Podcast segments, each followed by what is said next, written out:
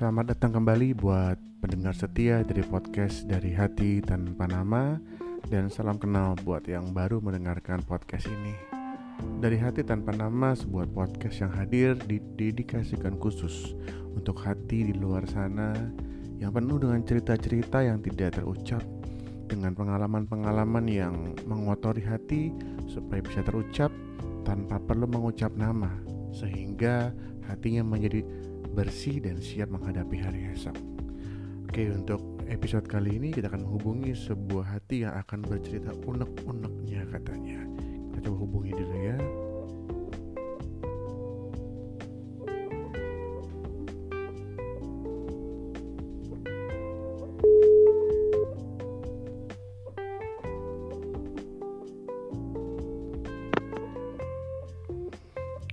Halo, selamat sore. Selamat sore. Apa suara saya sudah terdengar dengan baik di sana? Baik sekali. Oke, terima kasih sudah mau bercerita sharing di dari hati tanpa nama. Dan untuk itu silakan aja langsung cerita unek-uneknya nih supaya hatinya bisa jauh lebih lega setelah ini.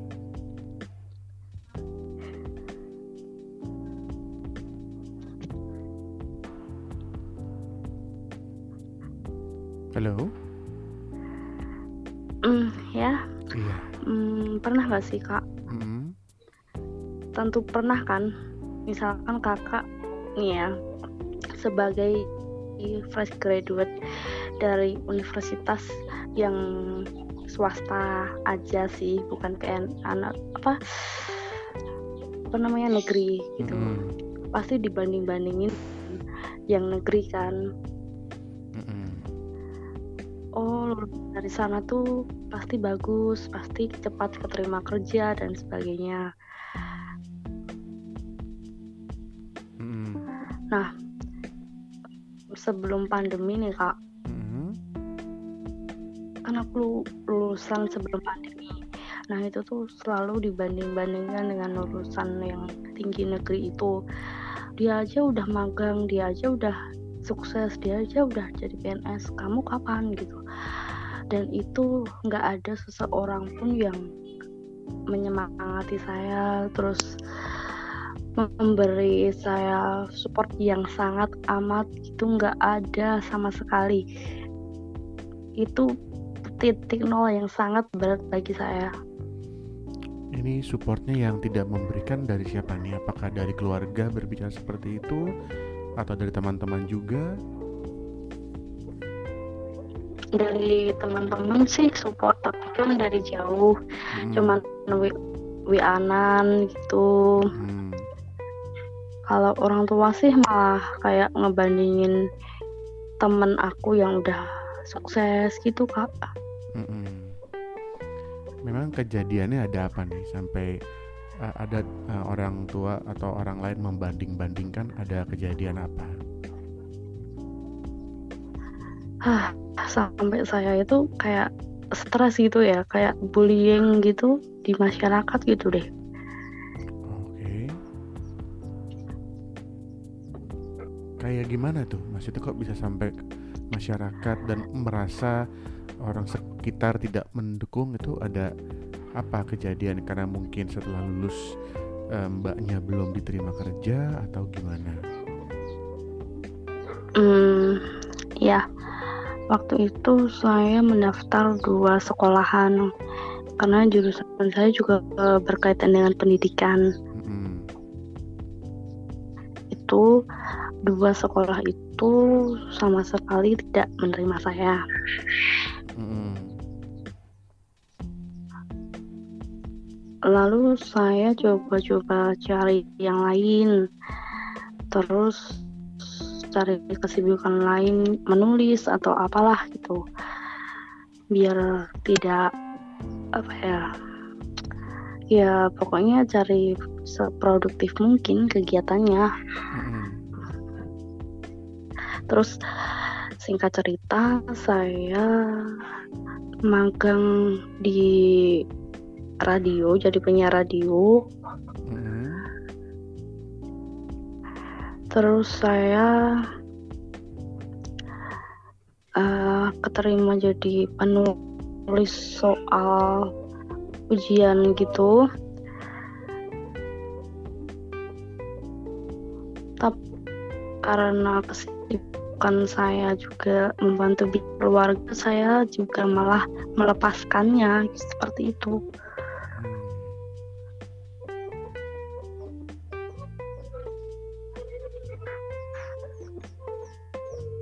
Lalu beban yang tadi dibilang kayaknya tidak ada yang ngertiin, tidak ada yang mendukung itu uh, gimana tuh? Maksudnya kenapa bisa merasakan seperti itu? Hmm, kayaknya gimana ya? Uh, anak muda pasti merasakannya ya. Misalkan ya emang sih bisnis orang tua itu bagus untuk nanti ke depannya. Hmm. Mungkin lebih bagus dan prospek daripada pekerjaan kita saat ini. Hmm. Tapi kan untuk anak muda kan pengen dong bisa berhasil dalam bakatnya, minatnya, sejurusan dengan kuliahnya ya nggak sih kak iya betul betul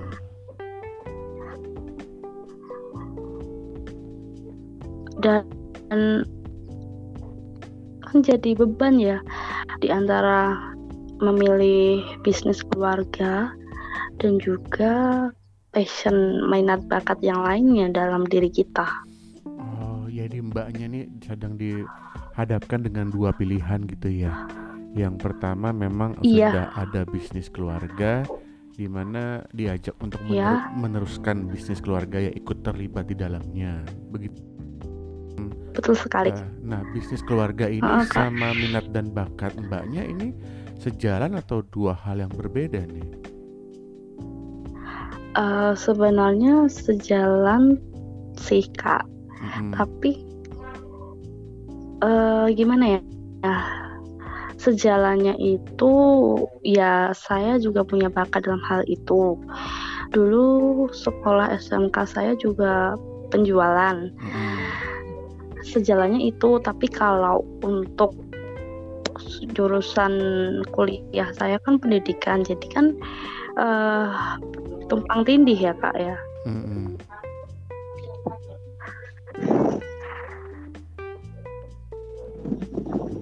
Nah, kalau yang menjadi minat dan bakat yang merasa tidak ada yang support itu apa tuh kalau boleh tahu ya? Apa yang pengen di apa ya minat dan bakat passionnya ingin dikejar itu apa ya? Hmm, aku suka broadcasting, dunia pendidikan, sama tulis menulis sih kak. Oke. Okay. Nah selama ini merasa menemukan jalan buntunya itu gimana tuh? jalan buntunya sih sebenarnya nggak ada sih hmm. tapi aku tuh kayak uh, lebih memilih apa ya gimana ya nggak enak sama orang tua itu loh hmm, oke okay. Enaknya karena gimana kayak nih? kayak menitik beratkan aduh gimana ya nanti kalau aku tinggal nanti gimana bisnisnya gitu-gitu loh kak hmm ini cerita uh, udah tidak Mbak aja yang ngalamin sih ya. Saya rasa beberapa teman-teman juga banyak yang mengalami hal ini antara pilihan keluarga atau, atau jalan hidupnya. Kalau boleh saya sedikit kasih pandangan lain mungkin ya di era online digital seperti sekarang itu sebenarnya sangat amat memudahkan ya dengan bermodal iya. dengan bermodal hanya sebuah smartphone tadi uh, mbaknya punya sebuah passion, hobi, minat bakatnya kan di broadcasting juga ya. Saya rasa mbak bisa yeah. melaku, bisa menerjuni dunia itu juga sambil uh, tetap menghandle bisnis keluarga. Saya rasa itu bisa sesuatu celah yang mungkin bisa dicari ya dengan adanya platform-platform yang bisa mbak membroadcast diri sendiri seperti YouTube misalnya. Iya, kayak podcast. Kayak podcast, iya gitu terus tadi Mbak juga bilang Mbak tertarik di dunia pendidikan saya pribadi melihat dunia pendidikan ini kan ada formal dan ada ada yang tidak formal ya Nah, di era sekarang, era teknologi di mana informasi itu begitu banyak yang beredar, saya rasa Mbak bisa ambil sesuatu yang challenging nih ya yang menarik loh. Bahwa Mbak pengen broadcast dan bisa memasukkan uh, nilai-nilai edukasi di dalamnya. Dan eduk edukasinya itu tidak harus yang formal malah edukasinya bisa yang praktikal sehari-hari kan jadi ya yang menyenangkan gitu juga iya, ya. menyenangkan. Kak uh, dan di dan dilihat uh, sambil dikemas sedemikian rupa hingga betul ya dan dalam kemasan ini kita nggak perlu kemas untuk oh saya mau jadi kayak dia saya mau jadi seperti ini. Tapi kemaslah menjadi otentik diri sendiri sih kalau saya rasa ya. Dengan oke okay, ini saya ada keluarga yang bisnisnya saya bisa bantu saya apa, berpartisipasi tapi saya bisa meluangkan waktu untuk bakat dan minat. Coba uh, bikin kontennya mau video mau audio ataupun hanya foto. Dimasukkan message-message yang positif edukasi. Jadi dari pengalaman otentik diri sendiri saya rasa situ dijalankan dengan sungguh-sungguh dalam waktu yang uh, sekitar mungkin 6 sampai 6 bulan sampai satu tahun dengan tekun dikerjakan pasti Mbak akan ditemukan oleh audiens-audiens yang memang iya ya saya mau mengejar apa ya saya punya passion. Tapi keadaan saya seperti Mbak ini sulit. Tapi Mbak ini menunjukkan jalannya bagaimana saya bisa menemukan kesempatan dengan keterbatasan. Wah itu bisa menginspirasi luar biasa. Itu yang diperlukan oleh Indonesia sih ya saya rasa. Keren ya kak ya. Iya coba kalau bisa gitu. Uh, tapi ya emang sih sekarang saya juga sudah seperti itu sebenarnya. Wah keren. Oke. Okay. uh, les online. Terus juga uh, kalau di radio online udah off sih kak tahun lalu. Mm-hmm. bikin channel sendiri aja coba ya kan? Coba mungkin bikin podcastnya uh. sendiri bikin YouTube-nya sendiri mungkin atau kalau tadi kan bilang bisa menulis bikin blognya bukan buat website simple. Karena dalam kehidupan ini sering kali kita merasa kayaknya seluruh dunia itu menentang kita tidak ada yang mendukung kita lalu kita ha, bener kak. Iya bener kan? banget. Lalu kita kayaknya tidak bisa berbuat down, down tidak bisa berbuat apa-apa. Saya kayak kayak gimana? Lemah mager gitu deh kak. Iya. Kayak merasa lelah dengan semuanya terus mager gitu. Betul. Karena apa? Karena mbaknya membandingkan diri mbak seorang diri dengan seluruh dunia. Siapa pun yang tidak, siapa pun orang di dunia ini tidak bisa mengalahkan orang satu dunia, mengalahkan keberisikan dunia ini. Ya kita bilanglah ambil contoh youtuber ter, youtuber terkenal atau artis terkenal atau selegram gitu ya. Yang kita lihat pasti mereka banyak stresnya karena men, satu kali kita mau sengetop apa pun nanti netizennya salahin dia netizennya nyinyir dan lain sebagainya mm -hmm. betul nggak? Nah itu karena apa? Karena pola pikir. Betul. pola pikir merasa bahwa dunia menentang dia dunia tidak mendukung. Saya dengan penuh kerendahan hati mm -hmm. semesta nggak mendukung. Iya saya mengajak mbaknya nih sekarang coba rubah rubah pola pikirnya bahwa sebenarnya dunia tidak seperti itu. Itu cuma pikiran kita aja lebih baik kan arahkan pikiran kita, tenaga kita, emosi kita, pendengaran kita, penglihatan kita kepada diri sendiri. Apa yang saya punya? Apa yang bisa membuat saya bahagia? Apa bakat dan talenta yang sudah diberikan kepada saya? Dan itu yang kita kerjakan.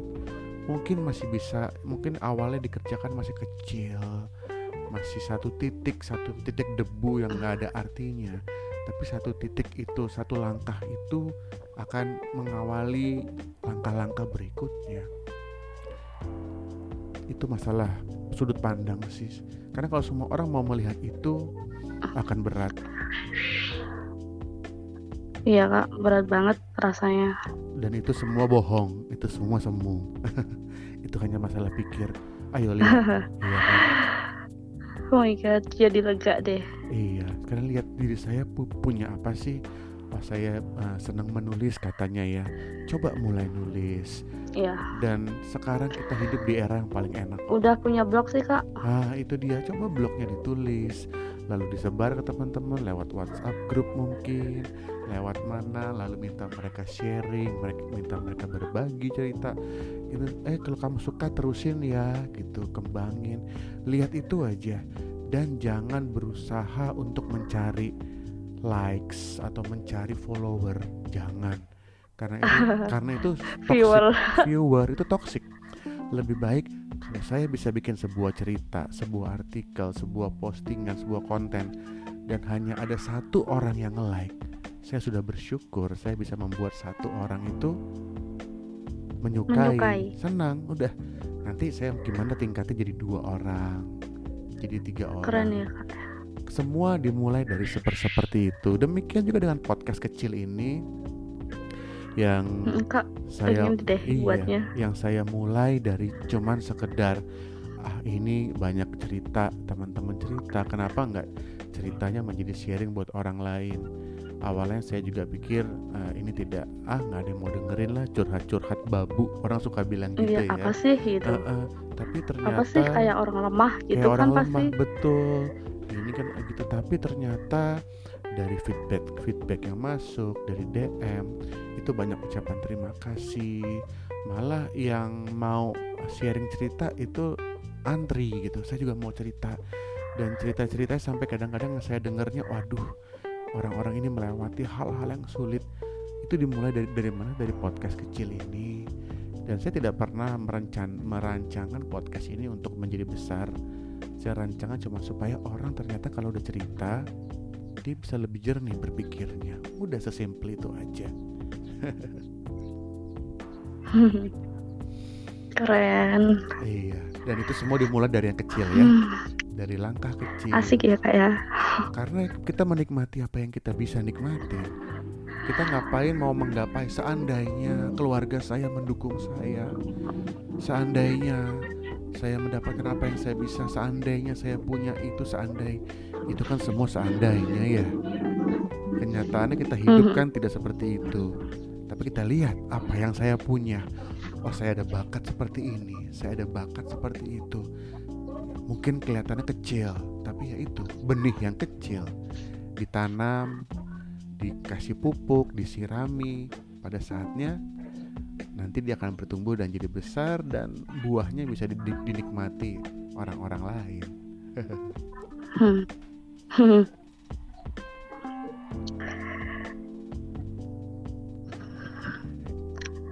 gimana Hmm,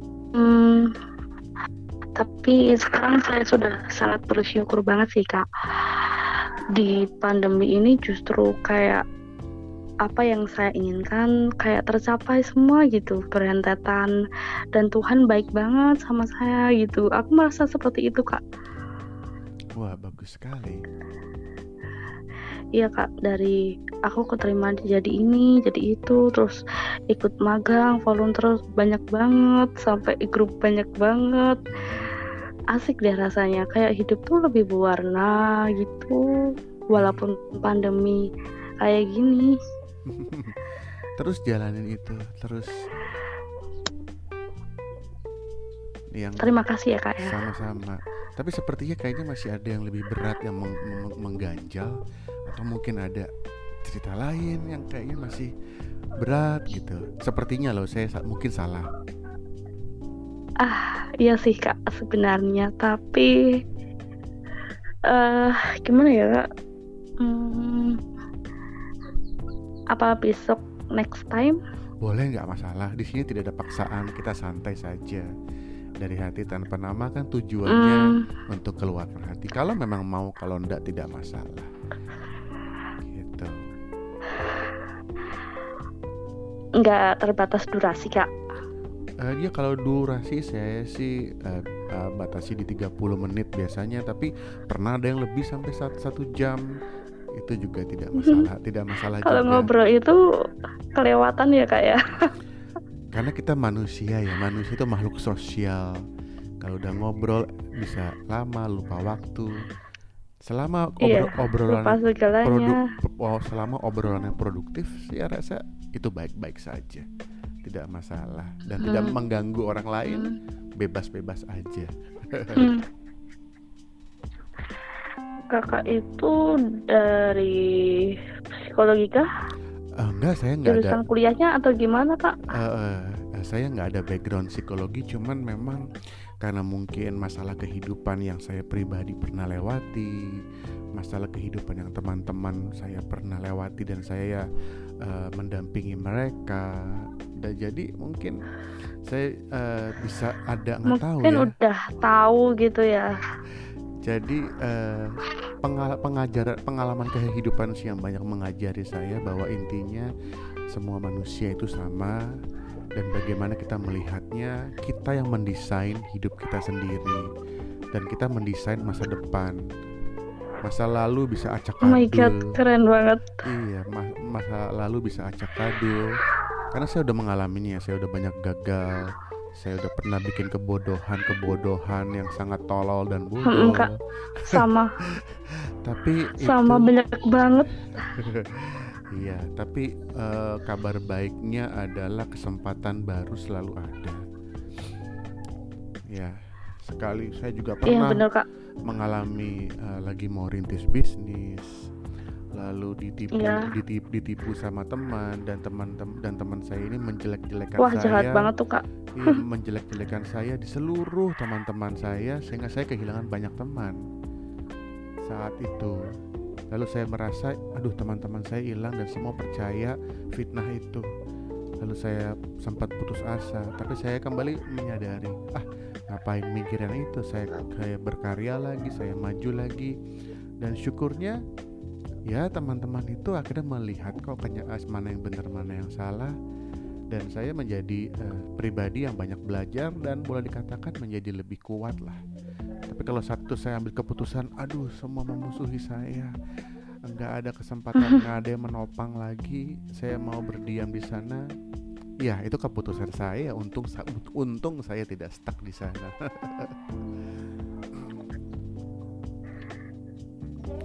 iya. By the way, ini kok jadi saya yang curhat ya? Wah, mbak, mbaknya punya pengalaman memang untuk di dunia broadcasting ya, menginterview orang. Aduh, keren, keren, keren. Ya, terima kasih tapi sudah mau bercerita dan saya berharap eh, ada kabar baik dalam waktu-waktu ke depan dari mbaknya. Lakukanlah semua yang baik, yang dengan semangat. Jangan melihat, jangan melihat apa yang tidak mendukung kita, tapi lihatlah apa yang mendukung kita dan jalan. Selama itu positif, terus jalan. Ada lagi kira-kira Ah ya cerita lainnya untuk kali ini? Hmm, oh ya kak, menurut kamu kelas itu apa sih? Ikhlas. Ya. Ikhlas kita ya. Ini pertanyaannya susah nih kan? Bener loh kamu pinter loh. Kamu pinter jadi saya yang cerita nih. Ini di episode keberapa saya nggak tahu. Nih jadi saya yang cer- saya yang cerita. Kalau buat saya ikhlas itu saya percaya ada sesuatu yang lebih baik bisa saya dapatkan sekalipun dari sesuatu yang sangat amat buruk, menyedihkan, mengecewakan dan menyakitkan. Buat saya itu ya, saya percaya Se- sehingga apa? Kalau saya tahu ada sesuatu yang baru, yang lebih baik, maka saya bisa mel- me- let go, saya bisa melepaskan, melupakan apa yang ada sekarang. Karena saya tahu ada yang lebih baik. Jadi buat saya ikhlas itu bukan merelakan, tapi karena ada yang lebih baik dan saya mau memilih mengambil atau mengupayakan atau mencari yang lebih baik. Buat saya itu ikhlas ya. Tapi tergantung Oh konteks God. juga. Mm-mm Super sekali. enggak sebiasa aja tapi itu pengalaman hidup sih ya pengalaman hidup Eh, aku punya apa ya pengalaman yang ikhlas itu sih. Hmm, hmm, sebenarnya aku tuh tipe orang yang apa ya namanya susah untuk mengikhlaskan segala hal yang sebenarnya bisa aku dapatkan hari itu, tapi karena sesuatu hal saya gagal. Mm-mm. waktu itu kan kak sore hari Mm-mm. jam 5 aku dihubungi seseorang yang saya pernah daftar bimbel di situ. Mm-mm. aku udah lama banget udah berapa ya? Mungkin beberapa bulan aku menunggu itu menunggu kabar kok nggak ada sih? gitu kan. Terus tiba-tiba ada kabar baik banget. Mm. dan kabar itu tuh bilang eh, eh, suruh jadi tentor online dan bayarannya tuh double kak Mm-mm. tapi karena saya sibuk dan saya belum bilang oke Mm-mm. secara cepat detik itu juga dan saya balasnya telat kesempatan itu diberikan kepada orang lain seketika itu juga terus aku bilang ya ampun tuh kan gara-gara aku sibuk. Ih sebel deh. Kenapa tadi ih, aku tuh udah ngobrol panjang bilang oke seperti itu kak. Mm-mm. Terus bagaimana menyikapinya? terus aku tuh semalam tuh nggak tidur gitu kan kak waktu itu terus aku curhat sama teman aku gini-gini tentang itulah Mm-mm. terus temanku bilang "Eh, ikhlasin aja lah nanti pasti akan ada kesempatan baru yang lain mungkin yang lebih dari itu so keesokan harinya ya udahlah aku belajar ikhlas kan seperti itu terus setelah dua hari itu ada kabar baik lagi kak. Dan itu berentetan Mm-mm. Terus aku bilang sama diriku sendiri, ya Allah bener ya, Allah itu baik banget kepada saya. Apakah ikhlas itu balasannya seperti ini? Seperti itu kak. Iya. Kayak saya bilang tadi kita percaya ya, apalagi kita percaya sama Tuhan.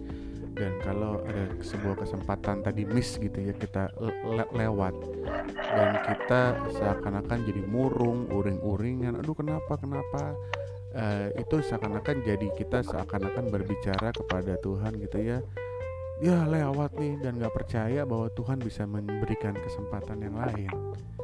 Ya, Jadi itu kalau Iya kita- kak, bener banget tuh. kalau kita ikhlas saya rasa itu menunjukkan bahwa sebenarnya kita percaya oh buat Tuhan itu terlalu mudah buat dia untuk memberikan rezekinya kesempatan yang baru buat kita Mm-mm. ikhlas itu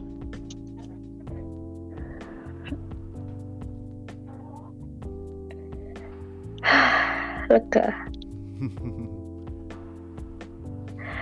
Iya kak, sumpah habis itu tuh aku udahlah kalau kelewat ya udah gitu. Setelah itu aku belajar dari situ. Dan juga kadang-kadang kalau ada kesempatan yang kita udah tunggu lalu terlewat juga ah, bagaimana sih bentuk ikhlas itu selain per- percaya kita juga mesti punya tindakan ya karena kalau percaya aja itu kayak halu gitu ya kayak mengharap Halo. Heeh. Tapi kalau oke lah saya sudah kehilangan uh, kesempatan itu, oh kesempatan itu datang kepada Terus saya karena saya seperti semangat ini gitu. Heeh. Oh sekarang sekarang karena kesempatan datang kepada saya mungkin karena saya dilihat saya berkualitas, saya punya kriteria yang masuk. Ah saya mau melatih di diri saya minimal menjadi lebih baik lagi supaya itu eh, dengan saya rajin yang lebih lagi. baik heeh, itu akan menarik kesempatan bahkan mungkin kesempatan yang lebih besar jadi jangan cuma duduk ya percaya percaya lalu kayak halus yang Iya. bolong Kita nggak berusaha gitu ya kak ya. iya Iya sumpah terus aku tuh ya ampun kok aku direkrut lagi gitu. Oh my god.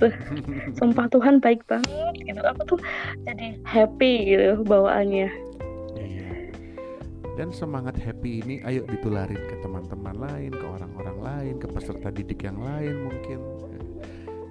Ini kan caranya mengedukasi. Edukasi formal di sekolah banyak tapi edukasi yang sifatnya semangat positive thinking eh, pola pikir yang benar itu kan yang tidak pernah diajarkan. Apalagi di Indonesia tontonan-tontonannya kebanyakan yang tidak mendidik merusak Yes, membuat nah Kak, gi- cinta-cintaan tuh kak. ya dan macam-macam nah coba sekarang mbaknya mulai bersuara berbicara menyampaikan nilai-nilai yang memang secara nurani nalar dan akhlak manusianya lebih baik sampaikanlah berita-berita seperti itu melalui konten-konten menarik dan lain sebagainya Mm-mm. karena di luar sana banyak Terus kayak dongeng gitu kan kak. bebas kreativitas itu tidak ada batasnya kan. Hmm. Oh ya kak, Mm-mm. mau tanya dong, gimana sih bikin podcast?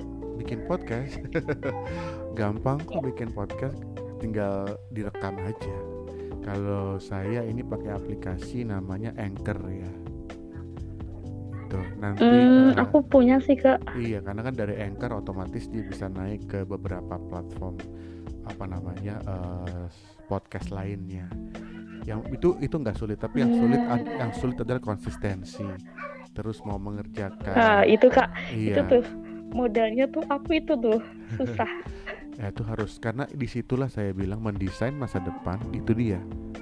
Kita yang bisa ngatur diri sendiri ya kita sendiri. Nggak ada orang lain yang bisa menyemangati kita. Saat podcast ini dimulai nggak ada yang Mm, tahu nggak bener ada tuh. yang tahu tapi terus saat podcast Hmm. podcast dibikin episode pertama yang yang yang dengar cuma satu orang gitu kan cuma dua orang. Ra- lang- kalau saya mau melihat itu mungkin udah berhenti dari awal. Tapi kan tujuannya tidak seperti itu. Tapi sekarang kalau saya lihat datanya ep- eh, podcast episode pertama yang ah, udah yang nonton udah yang denger udah bertambah bertambah terus. Jadi intinya konsistensi yakin belajar jadi lebih baik lebih baik lagi podcastnya dan untuk lakukanlah untuk diri Kayak sendiri naik tangga. Iya, lakukanlah untuk diri sendiri. Jangan tunggu persetujuan orang lain. Jangan tunggu mulai untuk diri sendiri. Dan di dunia podcast, di dunia YouTube itu banyak kok konten-konten yang bagus. Oke, memang kita harus cari ya. Kita harus cari nanti men- menemukan kok konten-konten yang bagus.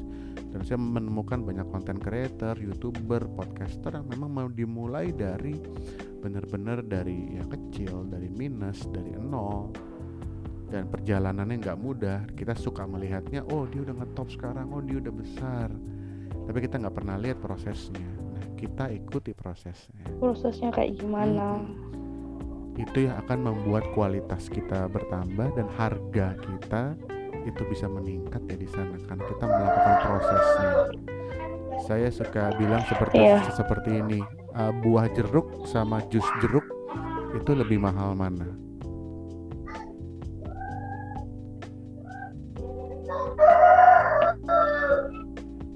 Halo? Eh, buahnya ya? Lebih mahal jus jeruk, Ya. le- lebih mahal jus jeruk. Kalau nggak percaya nanti cek aja coba. Ya, harga satu buah jeruk dan harga satu kardus jus jeruk yang bagus gitu ya, itu lebih mahal lebih mahal jusnya pasti. Pertanyaannya kenapa? Karena dia sudah diproses dari jeruk, dia udah diperes, dikeluar sarinya, lalu dimasukin ke wadah, diberikan kemasan yang bagus karena ada, Iya, ada ada proses. Nah, itu dia. Sama setiap manusia seperti itu. Kalau dia tidak mau pernah berani Keren. memeras dirinya sendiri, keluar dia punya sarinya, dia punya dasarnya, itu ya tidak akan naik nilainya dia dan kita berharap udah mudah-mudahan satu hari saya tiba-tiba terkenal atau mudah-mudahan satu hari saya bisa begini ya ya nggak akan kesampaian lah gitu oke Oke. Kalau Terima kasih, Kak. sudah nggak ada sekali lagi terima kasih buat ceritanya mudah-mudahan bisa menjadi semangat terus dan bisa menjadi semangat buat teman-teman lain yang mendengarkan terima kasih ya selamat sore Oke, Kak. ya sebuah cerita yang simple tapi jujur banyak saya temukan. Itu orang yang serasa kecil tidak bernilai tidak ada yang mendukung. Tapi jujur semua itu adalah semu. Lihat diri teman-teman pasti ada sesuatu dari sana. Kembangkan itu ambil langkah satu kecil langkah dua kecil. Tanpa sadar teman-teman akan di sebuah posisi yang teman-teman tidak sangka-sangka. Tetap semangat tetap belajar. Sampai ketemu di episode berikutnya dari hati tanpa nama. Terima kasih.